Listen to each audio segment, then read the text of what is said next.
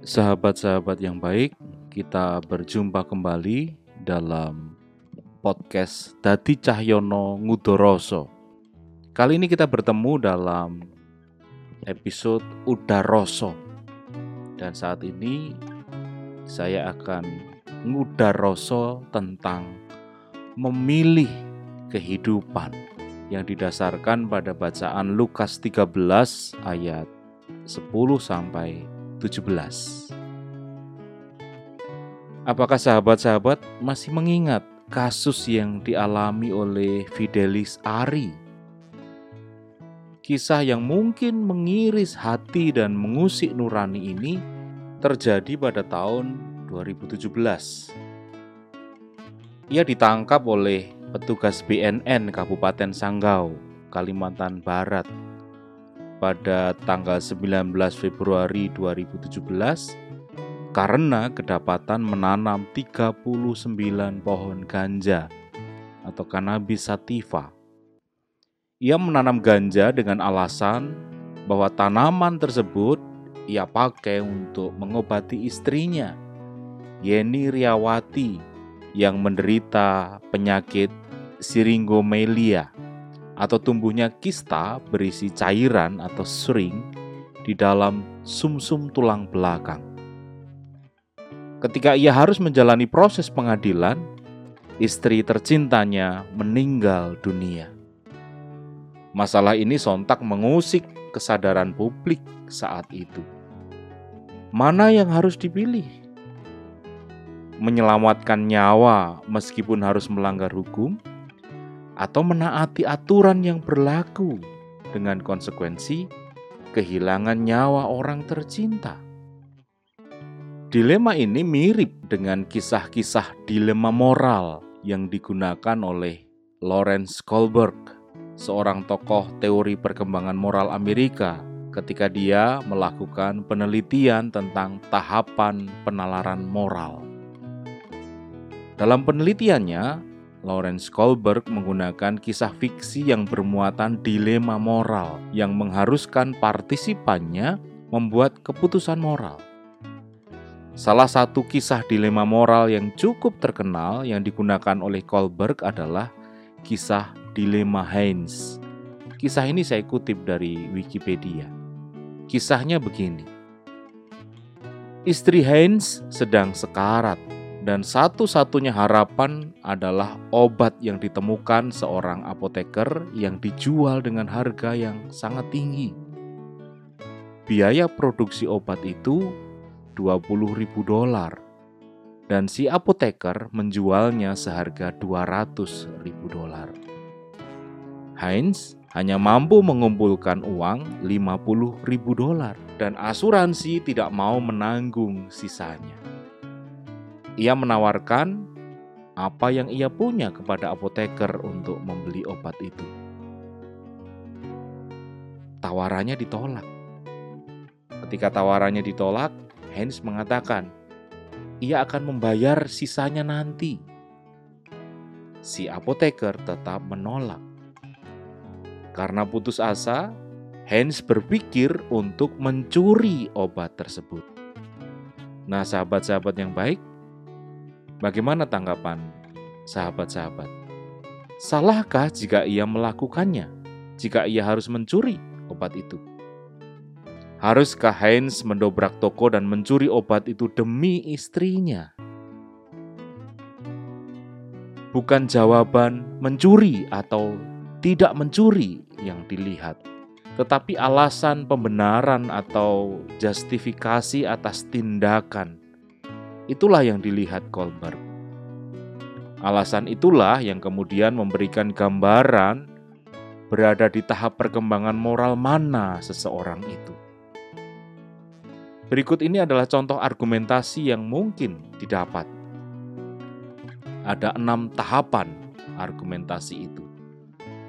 Tahap pertama adalah tahap kepatuhan. Dilemanya adalah Hans tidak boleh mencuri obat karena ia akan dipenjara, atau hal itu akan menandakan bahwa ia orang jahat. Atau Hans harus mencuri obat karena nilainya hanya 20 ribu dolar, bukan yang diinginkan apoteker. Hens bahkan pernah menawar untuk membayar sisanya dan tidak mencuri barang lain. Itu tahap satu. Tahap kedua, tahap kepentingan diri. Dilemanya adalah Hans harus mencuri obat karena ia akan semakin senang jika ia menyelamatkan istrinya meskipun ia harus dipenjara. Atau ia tidak boleh mencuri obat karena penjara adalah tempat yang buruk dan ia lebih mungkin menderita sengsara di dalam penjara ketimbang dia sengsara akibat kematian istrinya. Itu tahap kedua. Tahap ketiga, disebut juga tahap konformitas. Dilemanya begini. Hens harus mencuri obat karena istrinya mengharapkannya. Ia ingin menjadi suami yang baik bagi istrinya. Atau Hens tidak boleh mencuri obat karena mencuri itu buruk dan ia bukan orang jahat. Ia telah mencoba segalanya tanpa melanggar hukum. Jadi ia tidak bisa disalahkan. Itu tahap ketiga. Tahap keempat atau tahap hukum dan tata tertib. Dilemanya begini. Hans tidak boleh mencuri obat karena hukum melarang pencurian. Jadi, obat tersebut adalah ilegal. Atau dia harus berpikir bahwa setiap tindakan punya konsekuensi. Itu tahap keempat. Tahap kelima disebut juga tahap hak asasi manusia. Heinz harus mencuri obat karena setiap orang punya hak memilih hidup tanpa memedulikan hukum. Atau Heinz tidak boleh mencuri obat karena ilmuwan punya hak untuk mendapatkan kompensasi yang setara. Bahkan jika istrinya sakit pun, tetap saja tindakan mencuri itu tidak dibenarkan itu tahap kelima. Dan tahap keenam disebut juga tahap etika manusia universal.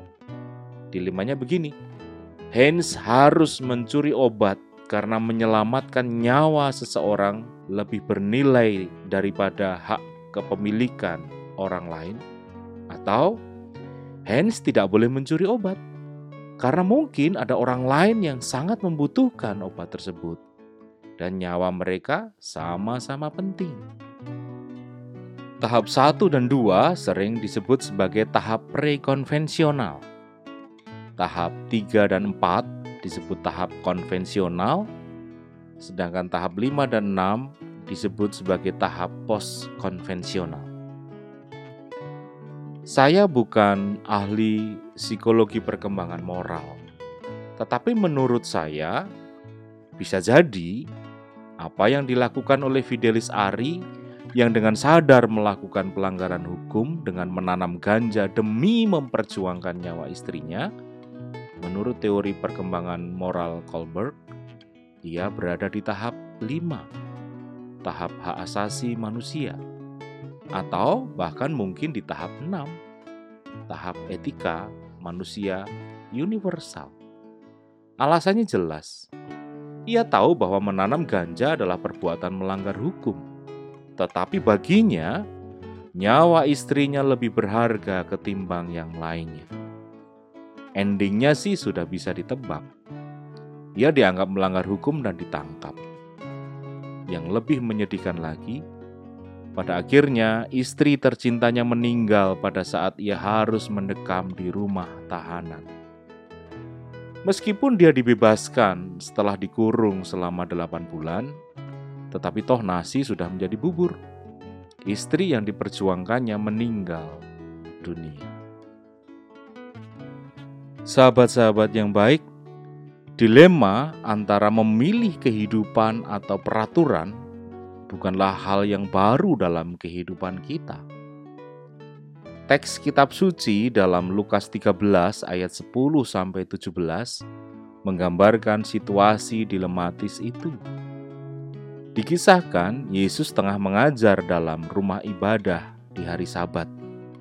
Pada saat itulah ia melihat seorang perempuan yang telah 18 tahun dirasuk roh sehingga ia sakit sampai bungkuk dan tidak bisa berdiri dengan tegak. Yesus memanggil perempuan itu dan menyembuhkannya. Akan tetapi, peristiwa penyembuhan itu membuat gusar kepala rumah ibadah. Ia menegur Yesus Dasar yang dipakai untuk menegur Yesus adalah hukum Taurat yang keempat tentang menghormati hari Sabat.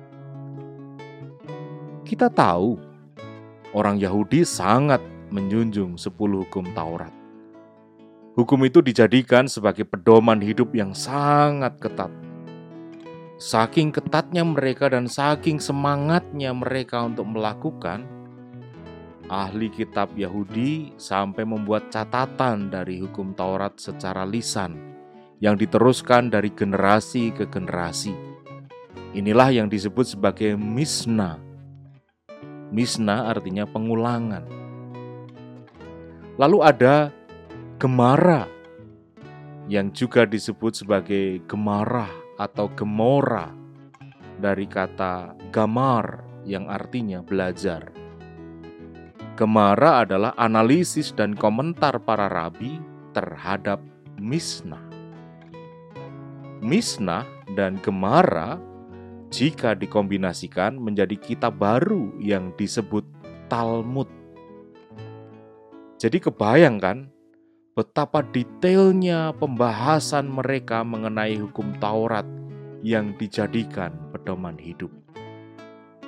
Salah satu contoh penjabaran hukum Taurat keempat adalah orang-orang Yahudi dilarang melakukan segala bentuk kerja di hari Sabat.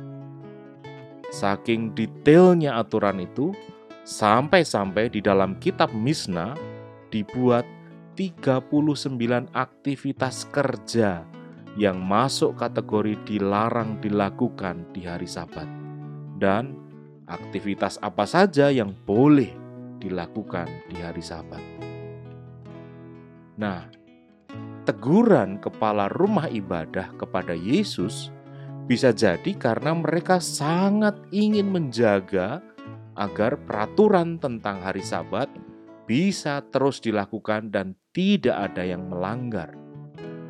Hal ini menunjukkan bahwa di dalam perspektif kepala rumah ibadah itu, Tindakan Yesus yang menyembuhkan perempuan bungkuk yang sudah menderita 18 tahun itu termasuk kategori melanggar peraturan hari Sabat. Tetapi apa respons Yesus? Ia menjawab dengan balik bertanya, Bukankah orang-orang Yahudi pada hari Sabat juga melakukan aktivitas melepaskan hewan piaraan dari kandang? Nah, perempuan itu juga butuh dilepaskan dari penderitaannya, karena ia adalah keturunan Abraham, sama dengan orang-orang Yahudi lainnya. Sahabat-sahabat yang baik, mungkin kita juga bisa bertanya, apakah karena peristiwa penyembuhan itu kita bisa mengatakan bahwa Yesus tidak menaati hukum Taurat? Bisa jadi iya.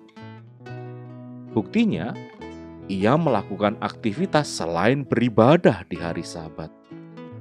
Buktinya, ia ditegur oleh kepala rumah ibadah. Itu menandakan aktivitas yang dilakukan oleh Yesus melanggar hukum hari Sabat. Akan tetapi, sebaliknya, tampak jelas dari perspektif Yesus, manusia lebih berharga ketimbang rumusan hukum dan peraturan. Hukum dan peraturan memang dibuat untuk menata kehidupan manusia, namun manusia tetaplah lebih berharga, sehingga ketika Yesus harus memilih menaati hukum Taurat atau menyelamatkan manusia, Yesus memilih menyelamatkan manusia narasi kisah itu diulangi kembali dengan orang yang disembuhkan berbeda. Kita bisa membacanya pada Lukas 14 ayat 1 sampai 6. narasi ini jelas memperlihatkan bahwa Yesus lebih memilih kehidupan ketimbang memegang hukum dan peraturan yang membelenggu manusia itu sendiri.